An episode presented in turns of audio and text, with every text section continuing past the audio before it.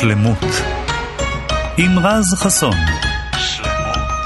התוכנית שלמות מוגשת להעשרה בלבד ואינה מחליפה חוות דעת רפואית. שלום לכם וברוכים הבאים לעוד תוכנית של שלמות, התוכנית השלמה לרפואה משלימה כאן בכאן תרבות, 104.9 ו-105.3 FM.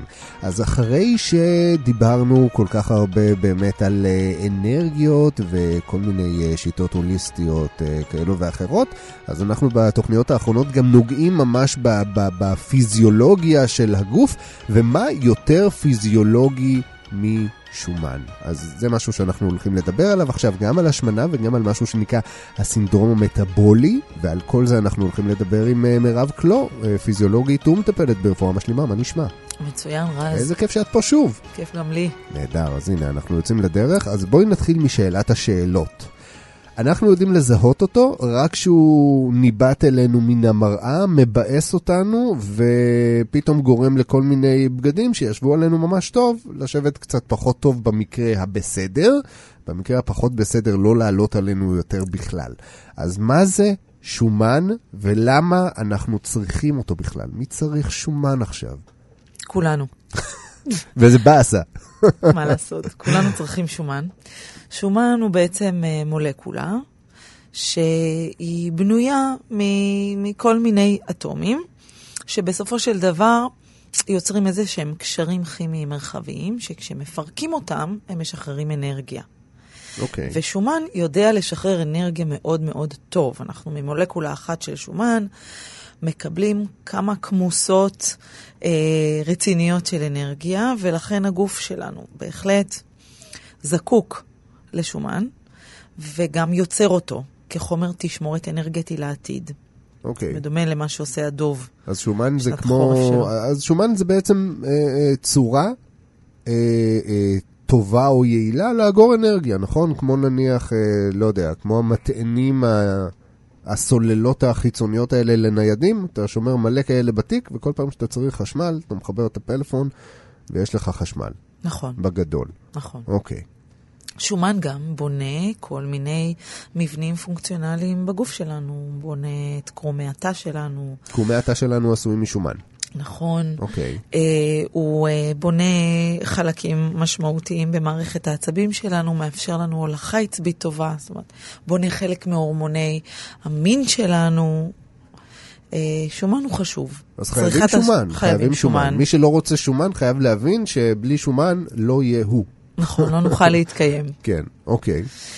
עכשיו, שומן שאנחנו מדברים עליו בהקשר של השמנה, אנחנו מניחים לרגע ל- ל- לשומן כמולקולה שבונה אה, מבנים פונקציונליים בגוף שלנו. כשאנחנו מדברים על שומן בהקשר של השמנה, אנחנו בעצם מדברים על חומר תשמורת, על האגירה של שומן, שהמטרה שלו לספק לנו אנרגיה כשאנחנו צריכים אותה, בתאים שמיוחדים לדבר הזה, שנקראים תאים אדיפוציטיים. אדיפוציטים. זה השם שלהם, תאי okay. אוקיי. שומן, והם ממוקמים בכל מיני מקומות בגוף שלנו, בעיקר שומן שהוא תת-עורי.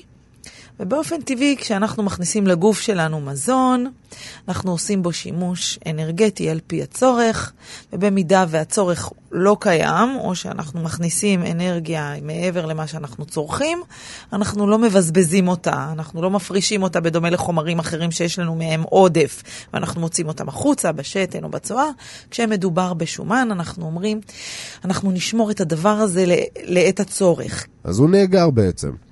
נכון, גוף לא מבין שאתה אוכל המון עכשיו כי בא, אתה יושב מול פרנדס ובא לך פיצה ואחרי זה גלידה.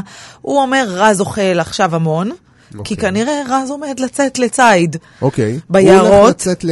כן, לאיזושהי תקופה ארוכה. הוא כנראה מכין את עצמו כמו ארוחה מפסקת לאיזשהו צום ארוך. ואני צריך uh, לאגור את מה שהוא נותן לי, כדי נכון. להתחיל לתקצב את התקופה הזאת בעצם. נכון, ובאופן uh, דומה, כשאתה צורך פחות ופחות מזון, הגוף לא מבין שאתה עושה דיאטה, שיש לך חתונה על הראש, או כל מיני אירועים משמחים אחרים. הגוף אומר, אוקיי, כנראה שרז נמצא במקום שאין לו מזון שהוא מספיק זמין. הוא נמצא בקוטב. למשל, okay. אוקיי. ו- ויכול להיות שלא נכון כרגע להיכנס לתהליכים שיצרכו אנרגיה לאורך זמן, למשל, okay. אוקיי. הריון. הריון. לכן אנחנו רואים מקרים שבהם נשים שמפחיתות באופן משמעותי את תצרוכת המזון שלהם, הגוף מפסיק לייצר. הוא מתחיל לתעדף את ה...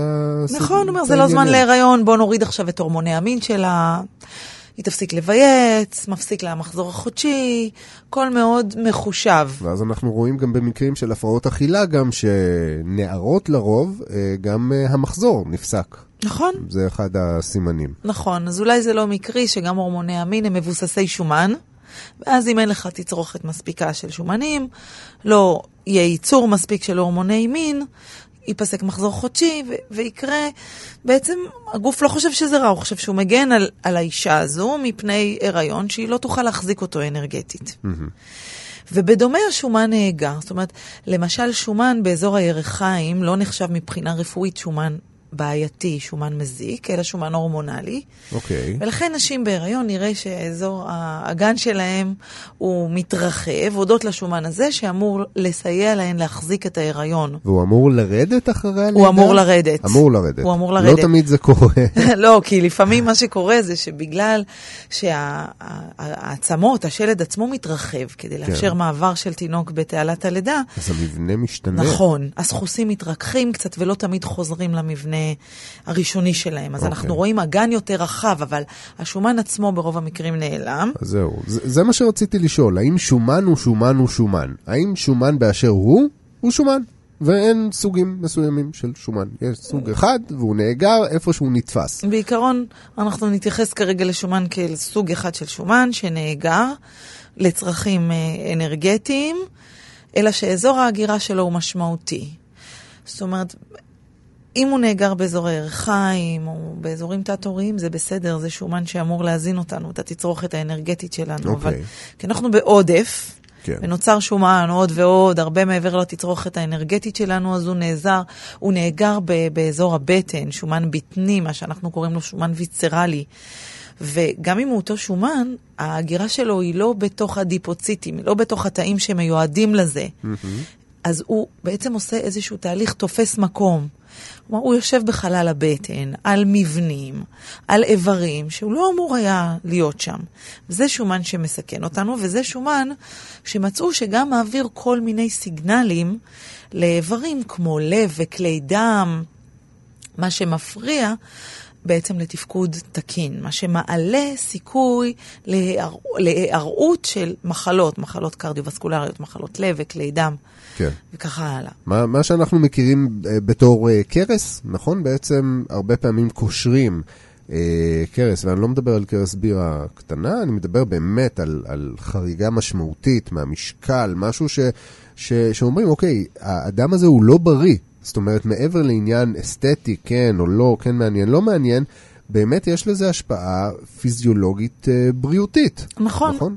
אז יש כל מיני דרכים למדוד בעצם, או לקבוע האם האדם הזה שמן יתר על המידה. אז זהו, איך מודדים? יש איזשהו scale אחד? כי את ואני נניח אנשים שונים, מעבר למין השונה, המימדים שלנו שונים, הגובה שונה, ההיקפים שונים. איך מודדים? יש סרגל אחד כדי לקבוע מה, איפה אנחנו עומדים, את ואני, ביחס השומני שלנו? אוקיי, okay, אז יש באמת אה, איזושהי הסתכלות אנטומית יותר מבנית, ויש הסתכלות יותר מטבולית. Mm-hmm. אז ההסתכלות המטבולית היא בבדיקות דם. אנחנו יודעים להסתכל על... אה, מבנים שונים של שומנים, בטח שמעת כולסטרול, נכון. שמעת טריגליצרידים, שמעת כל מיני שמות כאלה. יש לכל אחד מאיתנו מטאבוליזם של שומנים שמייצר מולקולות שונות של שומן, והמדידה שלהם יכולה אולי להעיד גם על פרמטרים גנטיים שלנו בפירוק ובנייה של שומנים. זו דרך אחת.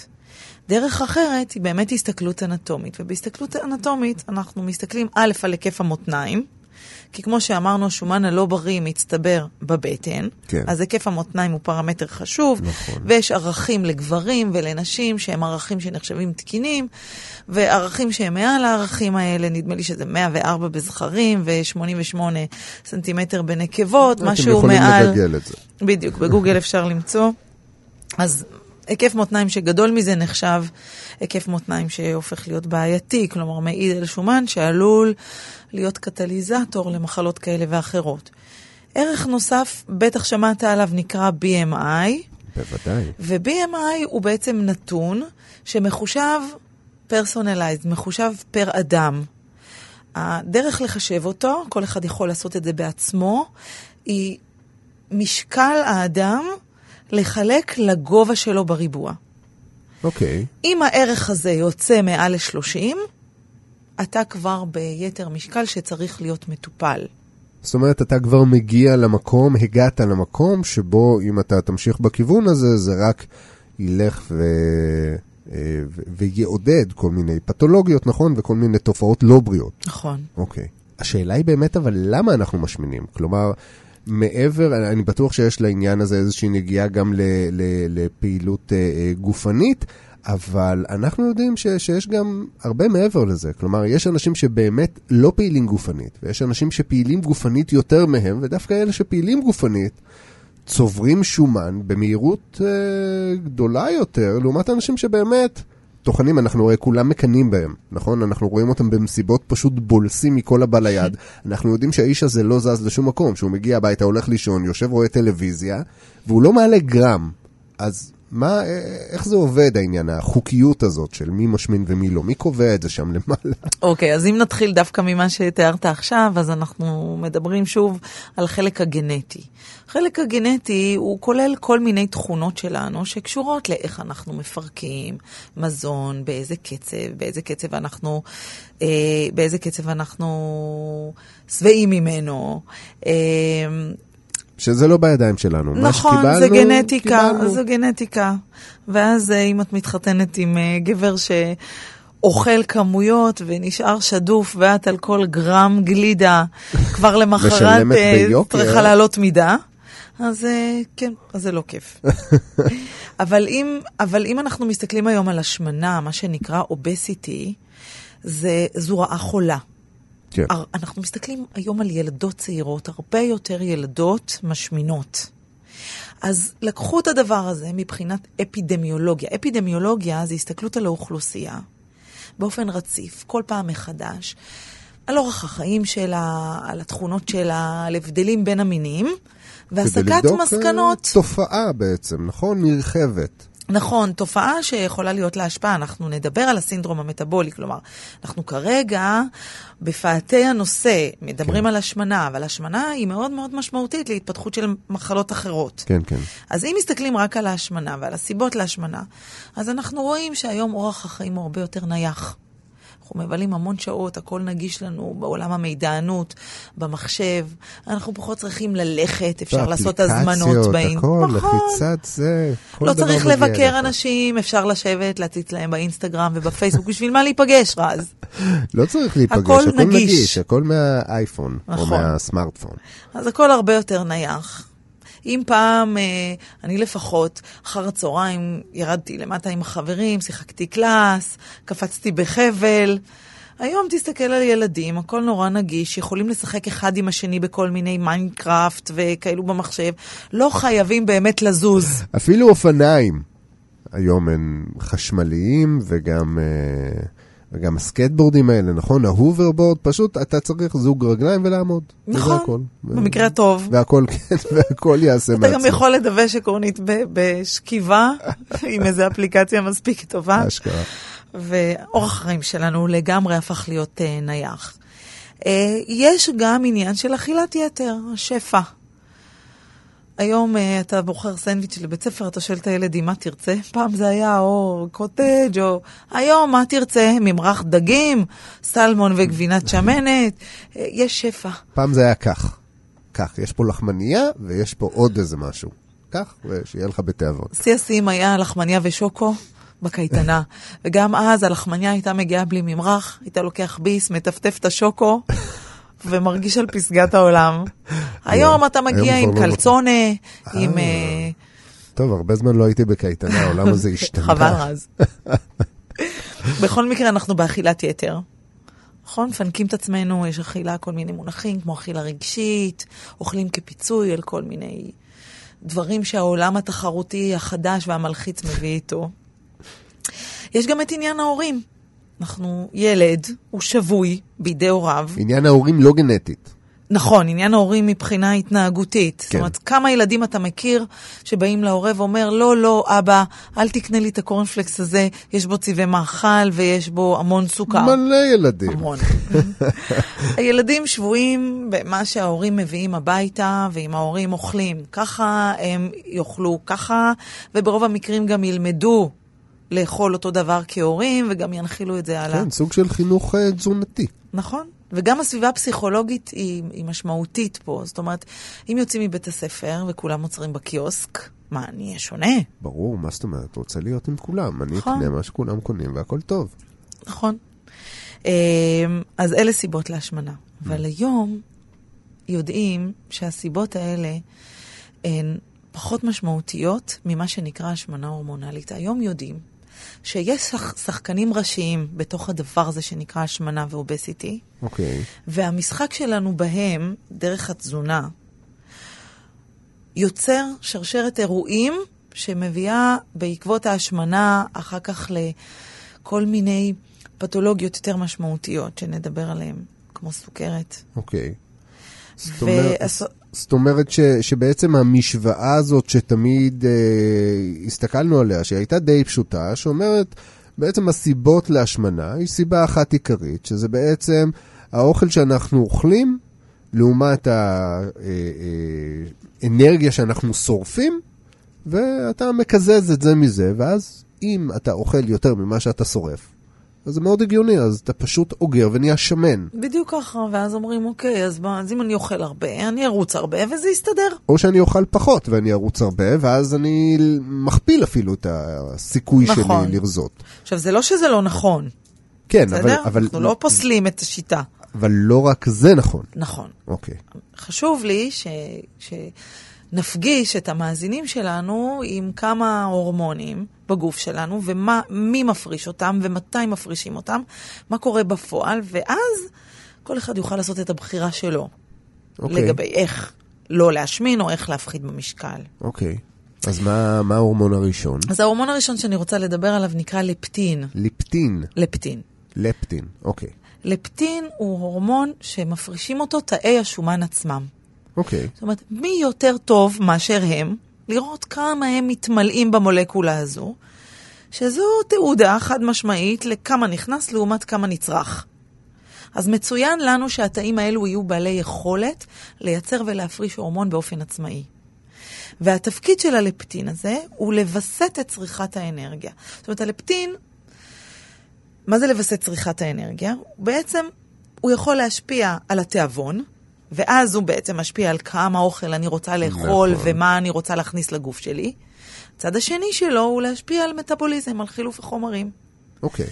ולכן הוא קורלטיבי לכמות השומן בתא. ככל שיש יותר שומן בתא, יותר מופרש לפטין. יותר לפטין, כן. מגיע לאזור במוח שלנו שנקרא היפותלמוס, שזה חלק מהמוח שאחראי על מטאבוליזם ועל חילוף חומרים, בין השאר, וגם אחראי על הפרשה של הורמונים אחרים שיעבדו בסינרגיה עם הלפטין הזה וישפיעו על כל מיני תהליכים בגוף. ככה בעצם אנחנו אוכלים, צוברים שומן, עולה הלפטין, משדר להיפותלמוס, די, תפחית, אין צורך בזה. כן. אבל, ככל שאנחנו צוברים יותר שומן וכמות הלפטין עולה, ההיפותלמוס הופך להיות רצפטיבי לדבר הזה. זה כמו רז, שאני אגיד לך מאה פעם, חפור לך מה שנקרא. תפסיק לאכול, תפסיק לאכול, אל תעשה, אל תאכל, אל תאכל. בהתחלה אתה שומע, אתה מתרגש ממה שאני אומרת.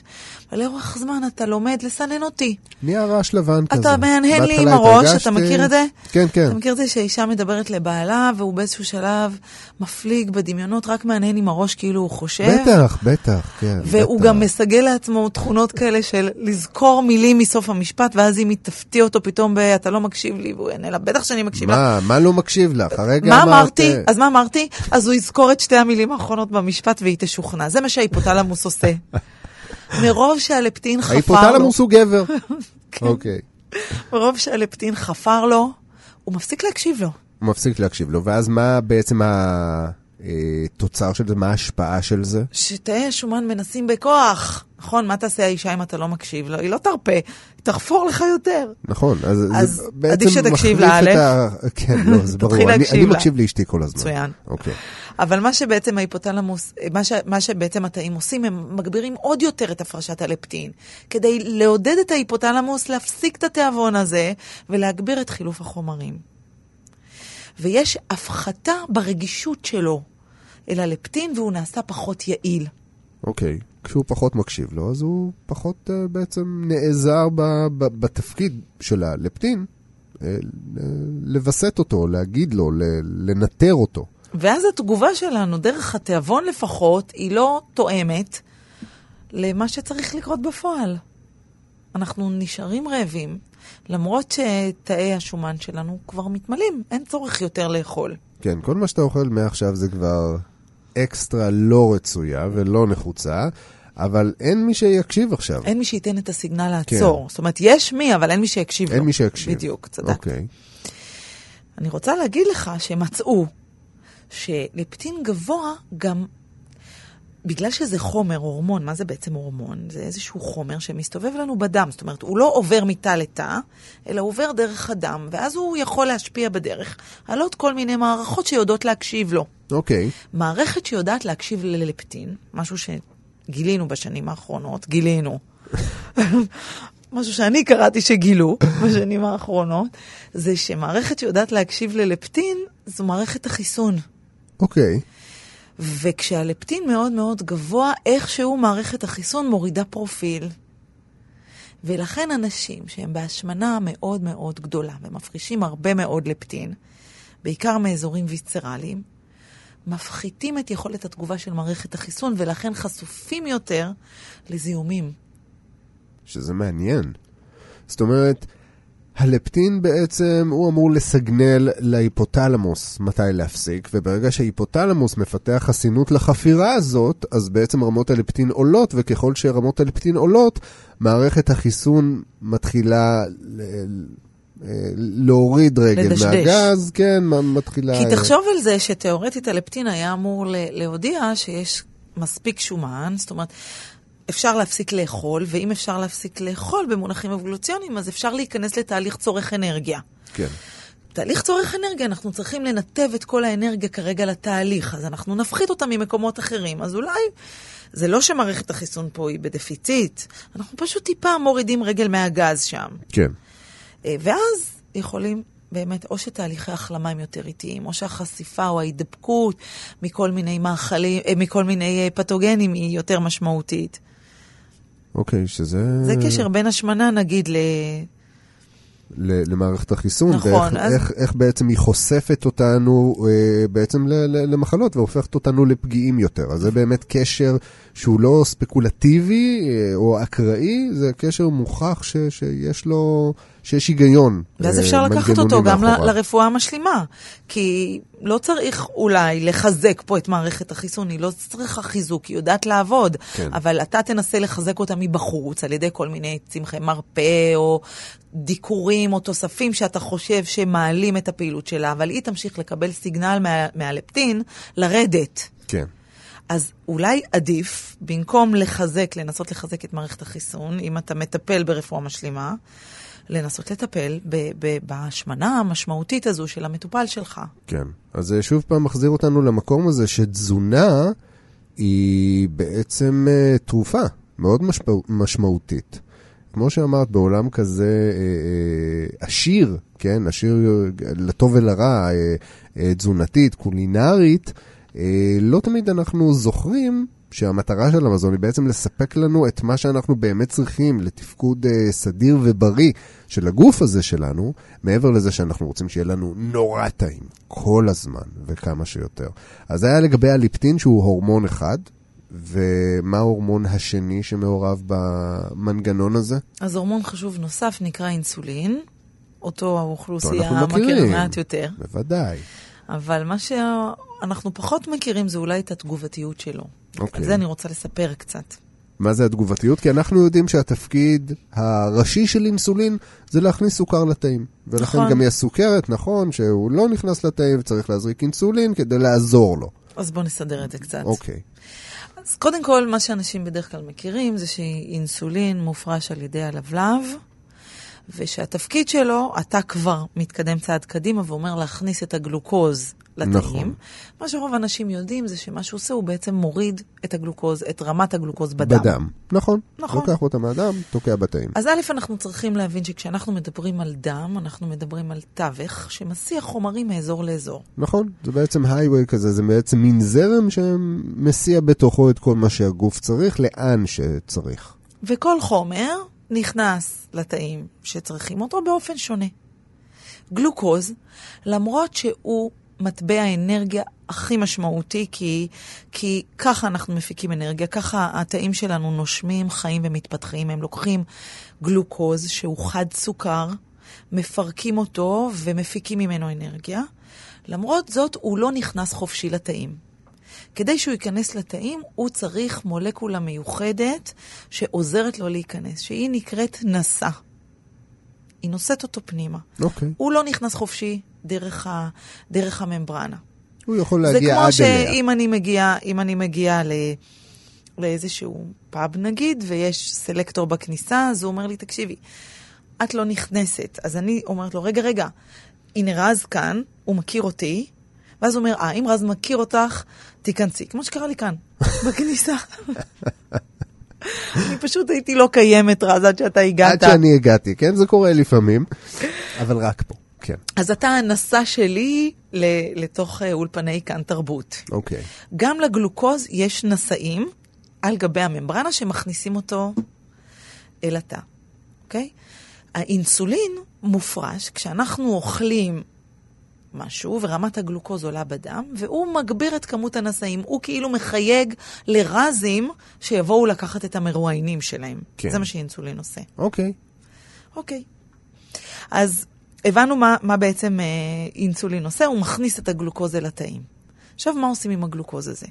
אז בשלב ראשון באמת מפרקים אותו על פי התצרוכת האנרגטית באותו רגע. כלומר, הוא אמר, אני עכשיו מרואיינת, אני מוציאה אנרגיה, כי אני ממש משתדלת, אני מקווה שאתה מרגיש את זה. מה זה? אני אני רואה את זה.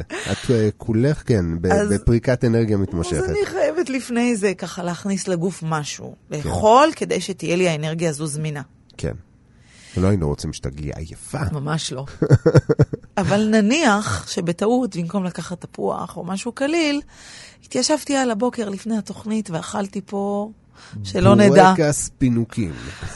פלוס אה, מוזלי ולקינוח אה, סלט ירושלמי. זה לא כל כך תואם. רק תגידי לי איפה קנית את כל זה פה באזור ש- שאני אקפוץ אחרי השידור גם. בכל מקרה זה לא תואם לרמות האנרגיה שאני, שאני מוציאה כאן. כן. אז השלב הבא, שבעצם האינסולין מאפשר, הוא לא רק הגלוקוז נכנס לתאים על פי הצורך, ועודפי הגלוקוז אנחנו לא מבזבזים אותם, כי אנרגיה אנחנו תמיד צריכים, ואני נכון. מזכירה לך. שמבחינת הגוף, אם אכלתי, אני כנראה אצטרך את זה, הוא לא טירוף. מזלזל. לא מגייסים כוחות מילואים סתם, הולכת להיות פה נכון, הוא מלחמה. לא מזלזל בשיקול אוקיי. הדעת שלי. אז הוא אומר, אוקיי, אז בואו נתחיל לצבור את חד סוכרים האלה במולקולה אחרת, שהיא רב סוכר. אוקיי. והוא שומר את הרב סוכר הזה, שאם מעניין אותך ממש ממש לדעת, הוא נקרא ממש מעניין אותי, כן? גליקוגן. גליקוגן. הוא אוגר אותו בשרירים. למה דווקא בשרירים? למה? כי סביר להניח שברגע שאני אתחיל לצרוך אנרגיה, הראשונים שיתגייסו לפרק את זה, זה יהיו השרירים. הם הראשונים שיצטרכו את האנרגיה זמינה. אנרגיה הזו. אוקיי. אז שרירים אוגרים, אוגרים רב סוכר זמין, וברגע שאני אצא מפה וארד, ואני ארד במדרגות, ואני אחזור לאוטו שלי, כבר אני אפעיל את השרירים, ואם צברתי פה גליקוגן מארוחת הבוקר קודם השידור, אז הנה הזדמנות לפרק אותו לשרירים. אוקיי. אבל מכיוון שאני מזכירה לך שאכלתי גם בורקס פינוקים, וגם מוזלי, וגם קרואסון שוקולד, אז לא הכל נשמר בצורת גליקוגן, האינסולין גם נותן סיגנל. אגב, גליקוגן זה לא רק בשרירים, גם הכבד שומר אותו. אוקיי. אז באיזשהו שלב, כשיש לנו עודף של סוכרים, אנחנו רוצים לשמור את האנרגיה הזו למשהו שאני אצטרך אותו אולי בערב, כן. לא עכשיו. אוקיי. ואז אני פשוט הופכת את הסוכר לשומן. מסתבר ששומן וסוכר מורכבים מאותם חלקי חילוף. תחבר אותם קצת אחרת, עם עוד איזושהי תוספת, והנה הסוכר, או מה שאכלתי או מה שלפני רגע היה סוכר, יכול להישמר לטווח הארוך בצורה של שומן. כי סביר להניח שמתישהו אני אצטרך אותו. הבנתי. אוקיי? אז זה בעצם מה שאינסולין עושה. אוקיי. מצד שני, כשאינסולין הוא, הוא גבוה, מסתבר שאין ניצול טוב של שומן. אין ניצול של שומן בכלל. אוקיי, כי בעצם, אה, כי בעצם למה? כי אם, אם יש, כי אם, כי אני אוכלת, אוקיי, אני אוכלת עכשיו, כנראה אני צריכה את זה עכשיו, ואז אין סיגנל של פירוק שומנים. אוקיי. זאת אומרת, לא מספיק לי לצרוך כרגע אנרגיה, אני גם צריכה להפחית את ההפרשה של האינסולין כדי לרדת במשקל. ההפרשה של האינסולין היא מאוד מאוד תגובתית לכל דבר שנאכל, אבל בעיקר לפחמימות. כי למה? כי הוא מזנק למעלה כשיש גלוקוז אמין בדם. ופחמימות ש- כידוע הן מקור מופלא. ל... כן, פחמימות הן סוכר. זה שם אחר כן, לסוכר. כן, עוד מעט נדבר על הבדלים בין סוגי הפחמימות. אוקיי. התגובתיות של האינסולין היא מאוד משמעותית. כי מה קורה? אם עכשיו אכלתי שוקולד, יש לי קפיצה של אינסולין. נכון. יש לי קפיצה של אינסולין, מלא גלוקוז עף לי מהדם לתוך התאים. נכון. זה התפקיד כי שלו. יש לו מלא עבודה עכשיו. נכון. יצא סוכר או גלוקוז מהדם שלי אל התאים, עכשיו חסר לי. יש צניחה של האינסולין. יש צניחה של האינסולין. יש לי צורך בגלוקוז מחדש. יש לי צורך בגלוקוז מחדש, יש עוד פעם קפיצה של האינסולין. יש תנודתיות מאוד גדולה, יש פיקים, האינסולין עולה. פיקים ואז- למעלה ופיקים למטה. נכון, נכון. אוקיי. זה קורה ככל שאני אוכלת מה שנקרא פחמימה פשוטה. כלומר, ככל שהסוכר שלי הוא יותר קרוב להיות הגלוקוז הפשוט שנכנס לתא, ככה הפיק של האינסולין הוא יותר גבוה. מה זה פחמימה פשוטה? אתה מכיר? פחמימה פשוטה, בורקס נניח, כמו שדיברנו עליו קודם, הוא סוג של פחמימה נכון. פשוטה. שוקולד, שוקולד. סוכריה, כן. סוכר לבן. כל אלה הם פחמימות פשוטות. כלומר, אין איזשהו תהליך הדרגתי בפירוק שלהם. הן כבר מוכנות. זה כמעט סוג... כן, זה, זה קרוב בעצם ל- לתוצר הגולמי בעצם, נכון. למרכיב הגולמי של, ש, שממנו הן אה, עשויות. ולכן כשאנחנו אוכלים אותם, יש בוסט רציני של גלוקוז בדם, בוסט רציני של אינסולין כתגובה. כן, איזשהו תהליך. צניחה שלו. כן, אוקיי. אז בואי נניח אה, איזה... איך, איך אנחנו אה, מסבירים פחמימה מורכבת, נניח? פחמימה מורכבת היא פחמימה, פחמימה שאנחנו נצטרך להביא אותה, להפוך להיות חד סוכר שקראנו לו קודם גלוקוז, בתהליך ארוך בתהליך יותר. יותר ארוך, אוקיי. ואז כל שלב גורם להפרשה ממוננת יותר של אינסולין. אין לנו את הפיקים האלו. נכון. עכשיו, אם אני אקח אותך ואגיד לך, רז, שאתה, יש לך פיקים, לא משנה של מה, של מצב רוח, של uh, הפרשה של חומר כימי, זה מעייף. ברור. נכון? מרגישים עייפים. זה נורא מתיש. לנוע מהפי אפי לעצוב נורא, זה משהו שמעייף אותך. נכון. גם אם ברגעים של האפי אתה אפי, גם אתה מתעייף אבל מהפיקים. התנודתיות הזאת, בדיוק, זה משהו שכשאתה רץ על הציר הזה לאורך זמן, זה משהו שהוא מאוד מתיש. נכון. והוא מכלה אנרגיה נכון. בעצם, הוא מעייף אותך.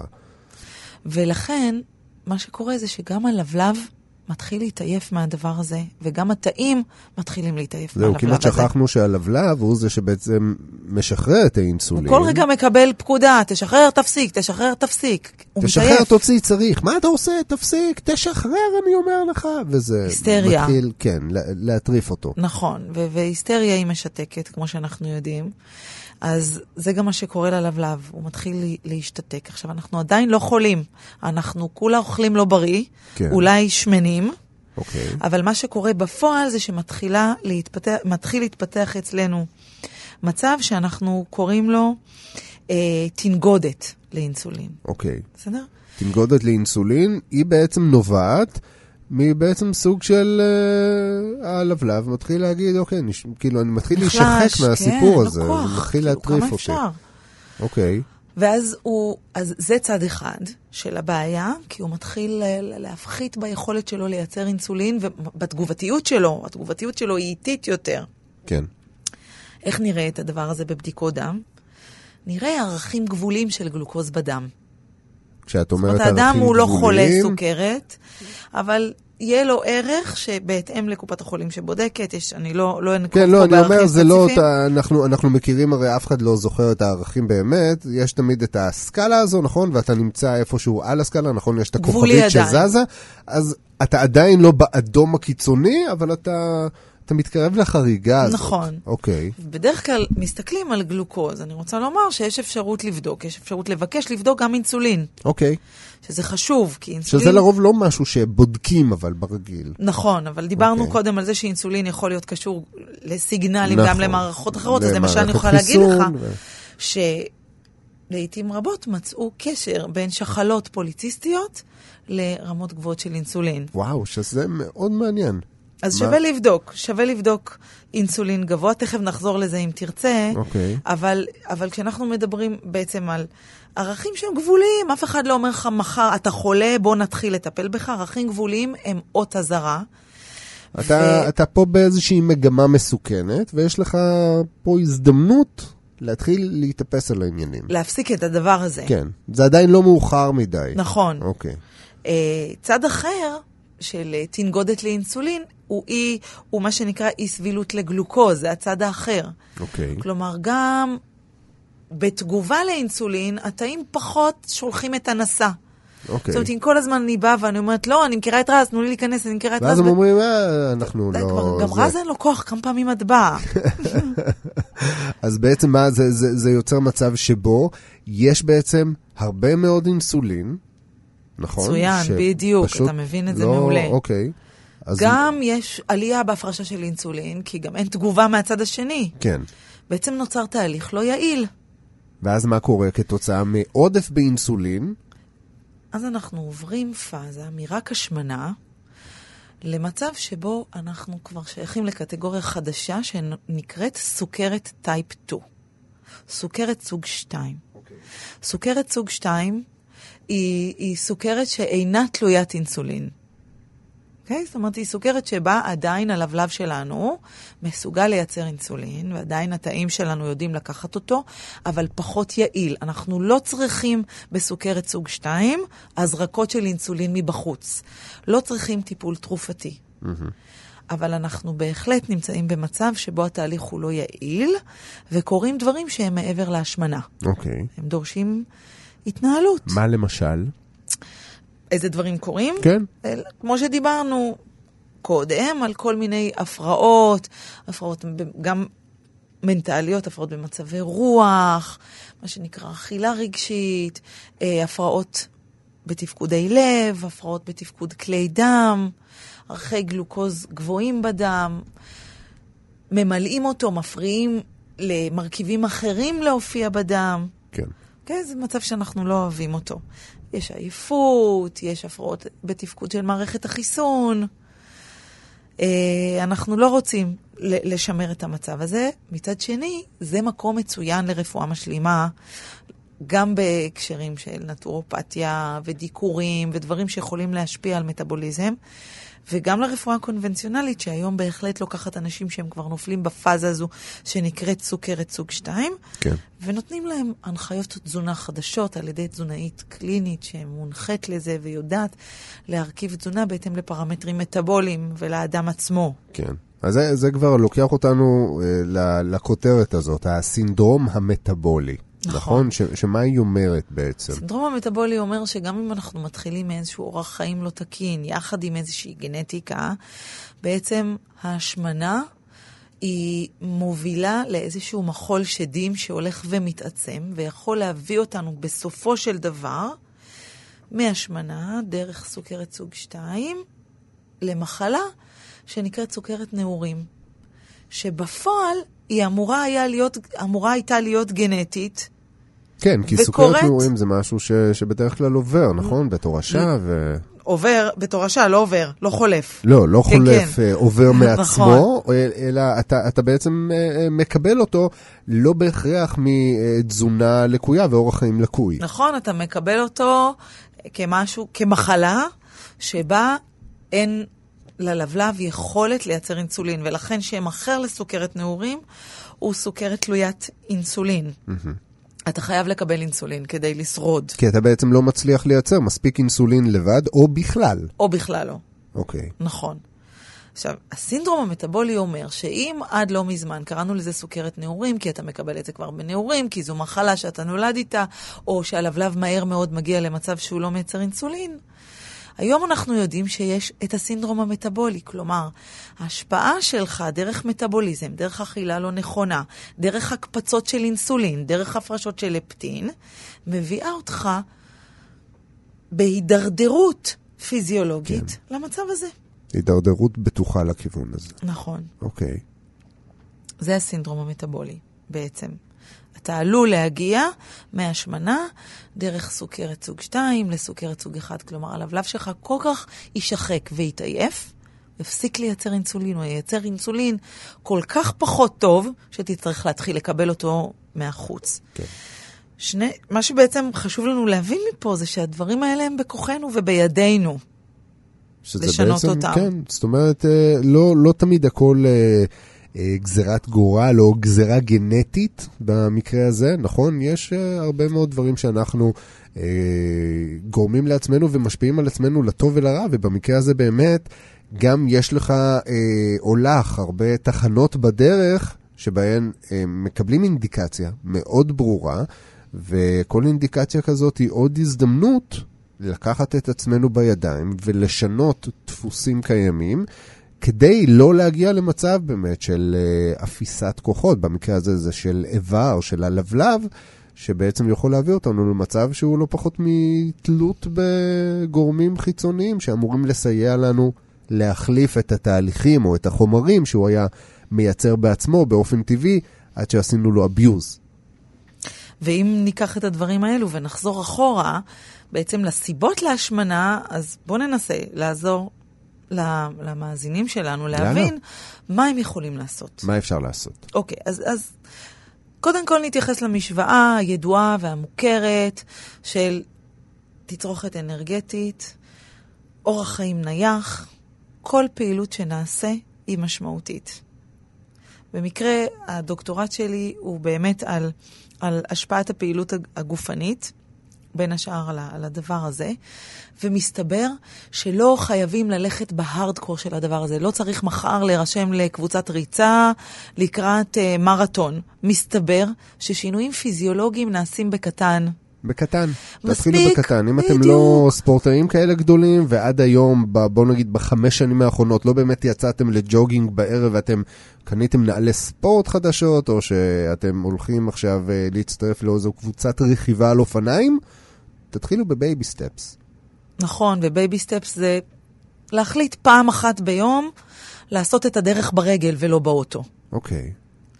לעלות במדרגות ולא לקחת את המעלית. וואו, ממש בקטן. ממש דברים סימבולי קטנים. אפילו. מסתבר שהתגובתיות הפיזיולוגית שלנו היא לכל שינוי שהוא. עכשיו, אנחנו בדרך כלל מדברים על צעדים קטנים כאלה, כשאנחנו מדברים ברמת ה... אה, נקרא לזה, את יודעת, מעולמות הפסיכותרפיה, ת, תעיד על כוונה. גם אם תשים רק נעליים, זה מקדם אותך לקראת התחנה הסופית איפשהו בהמשך, שאתה באמת נרשם למרתונים. אז פה אנחנו באמת מדברים על תרומה פיזיולוגית. ברגע שאתה מוותר, נניח, פעם ביום על המעלית ועולה במדרגות, זה באמת עושה משהו. זה עושה משהו, נכון. ומה שאמרת בעצם הוא, הוא אינדוקטיבי, אפשר לעשות ממנו אינדוקציה לכל שינוי בחיים, לא צריך ללכת בגדול.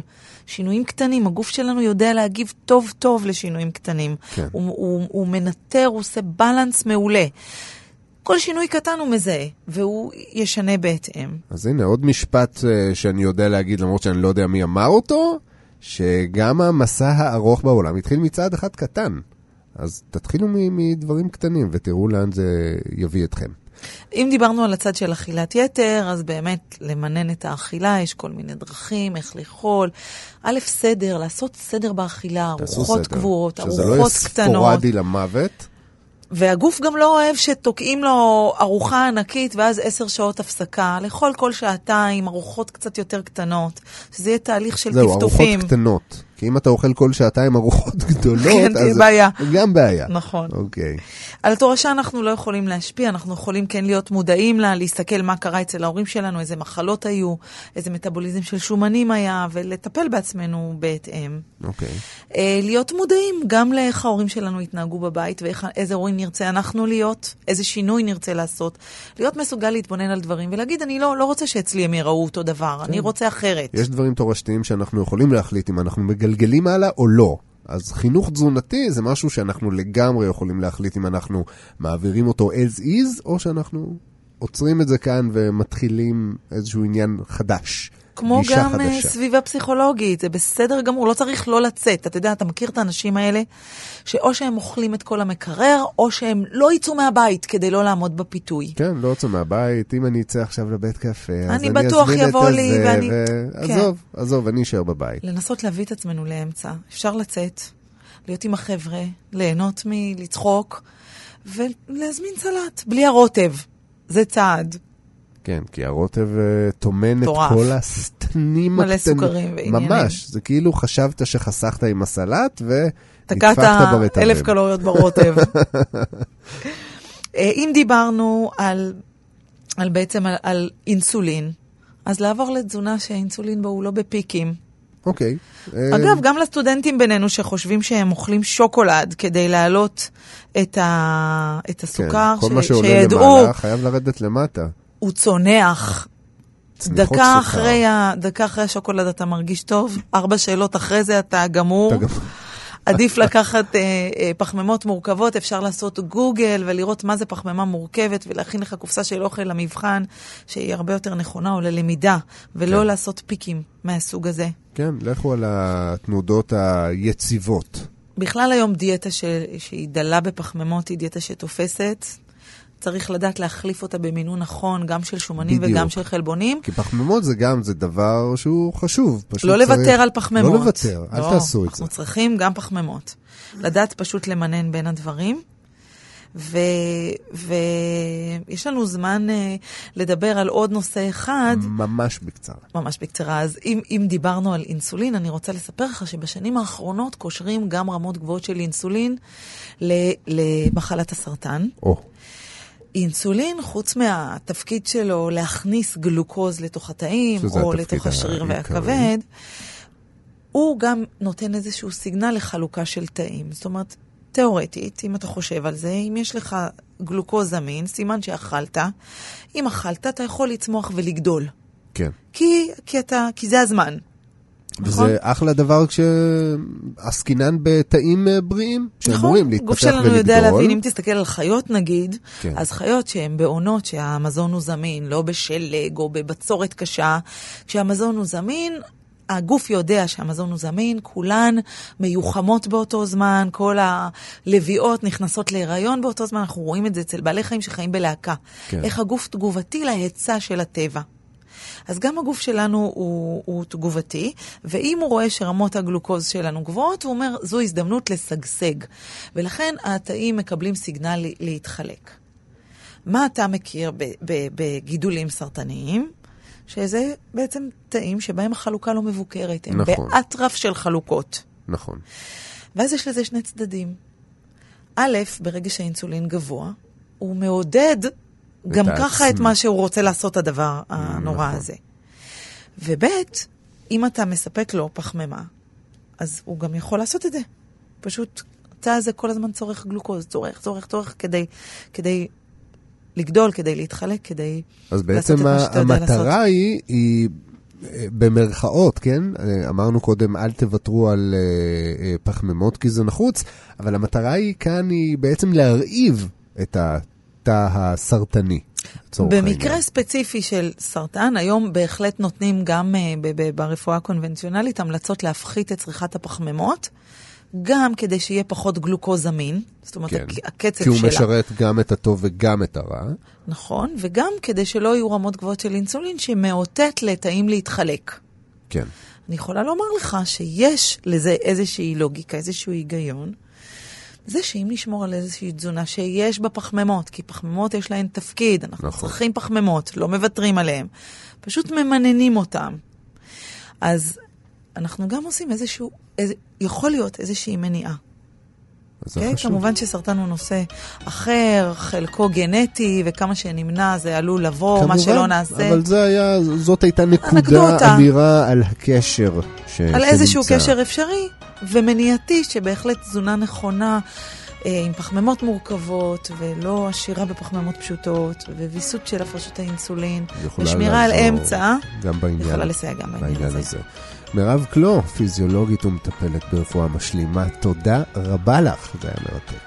תודה לך. אז אנחנו נשתמע כאן בפעם הבאה. עד אז אה, אתם מוזמנים כבר עכשיו להיכנס לאתר שלנו, לדף שלנו, לעמוד שלנו, בכתובת אה, כאן.org.il/פודקאסט. כל התוכניות האחרות בסדרת שלמות נמצאות ממש שם, וגם כל מיני פודקאסטים אחרים, בכל מיני עניינים מגוונים אחרים שלא קשורים לרפואה משלימה, שקשורים להרבה דברים כמו קולנוע ותרבות וספרות. אה, לי קוראים רז חסון, אנחנו נשתמע כאן בפעם הבאה. עד אז שתהיו בריאים ולהתראות. ביי ביי.